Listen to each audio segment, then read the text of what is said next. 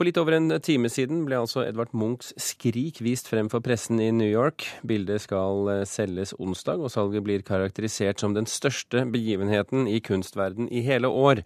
Kulturnytts reporter Ugo Fermariello, du er hos auksjonshuset Sotheby's i New York og har nettopp vært på visningen. Hva skjedde der?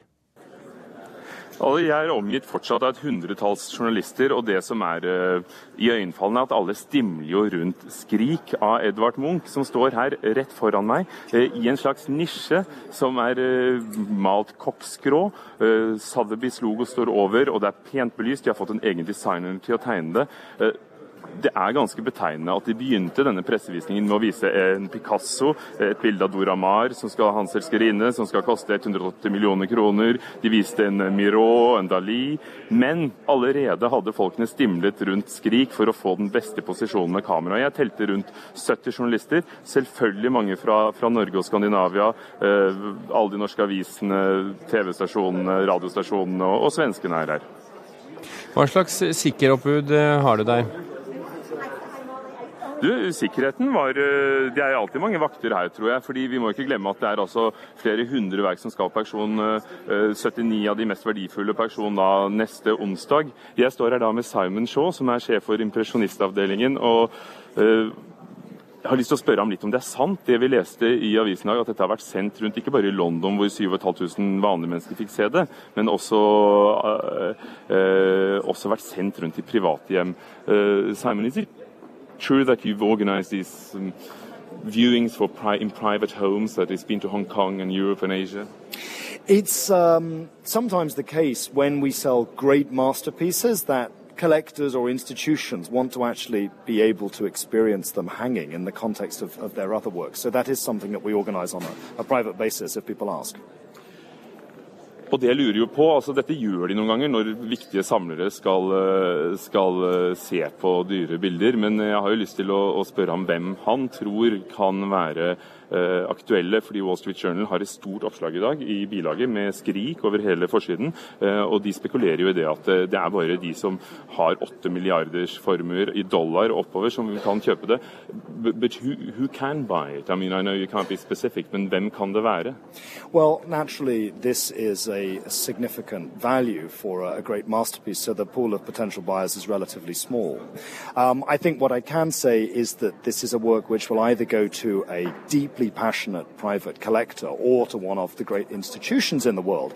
And one of the things about the Scream is that it's perhaps the most global of all works that we could ever hope to sell at Sotheby's. It's entirely possible that it could go to Asia or to Europe or to America or indeed to elsewhere. This is a work which could appeal in any part of the world.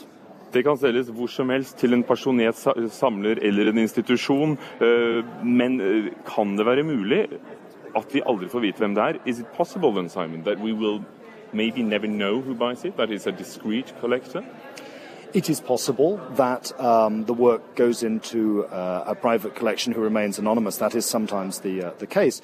But it would make me extremely happy, and I know it would make Petra Olsen extremely happy too, if the work were either to go to an institution or at least go to a private collection um, who makes it visible for the public in the future. This is a work which has only been exhibited uh, nine times in its lifetime and hasn't been uh, never been seen in New York or London until we showed it this time. Uh, and the last time that it was shown was 1979. Uh, og han håper, og som vi også vet at Petter Olsen, selgeren, håper, at det blir uh, kjøpt av noen som kan vise det offentlig. Uh, de har altså drevet en ekstrem markedsføring og fått egne designere til å tegne denne nisjen jeg beskrev. hvor fortsatt, altså Det står et tjuetalls mennesker her som dere hører i bakgrunnen og knipser og filmer og, og, og ser på, på Skrik.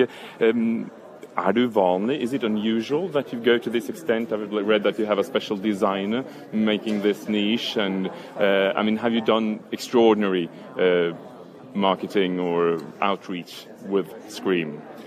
This is a tremendously exciting moment for us here at Sotheby's. We sell I'm happy to say, from time to time, great masterpieces, but it's hard to think of any image with the kind of global celebrity that the Scream has. So, yes, we have treated it as a truly historic opportunity with everything that, that, that involves. We've created a custom designed exhibition space here in New York to, to show the work as Munch would have wanted. He described um, wanting to see people uh, view his frieze of life paintings and come in and take their hats off as if in a church, and hence this uh, this wonderful atmosphere we've created with a very dramatic presentation for the picture. But we're well aware that we're not going to be selling anything quite so exciting, perhaps in the near future. Ugo, kan du veldig kort fortelle hva som skjer nå frem mot, uh, frem mot uh, onsdag? Det som er forskjellen fra London-visningen, som vi hørte om, er at her er det bare spesielt innbudte som får uh, komme inn. Så du må i hvert fall late som du har tenkt å kjøpe, om ikke Skrik, et av de, de andre Munch-bildene f.eks., som har prisvurderinger opp til 18 millioner kroner eller ned til 12 millioner kroner. Uh, og så er det vel da at de håper på pressedekningen som kommer ut av dette, og etter det jeg ser, så er det formidabelt. Ugo Fermarello, tusen hjertelig takk for at du kunne være med oss fra New York.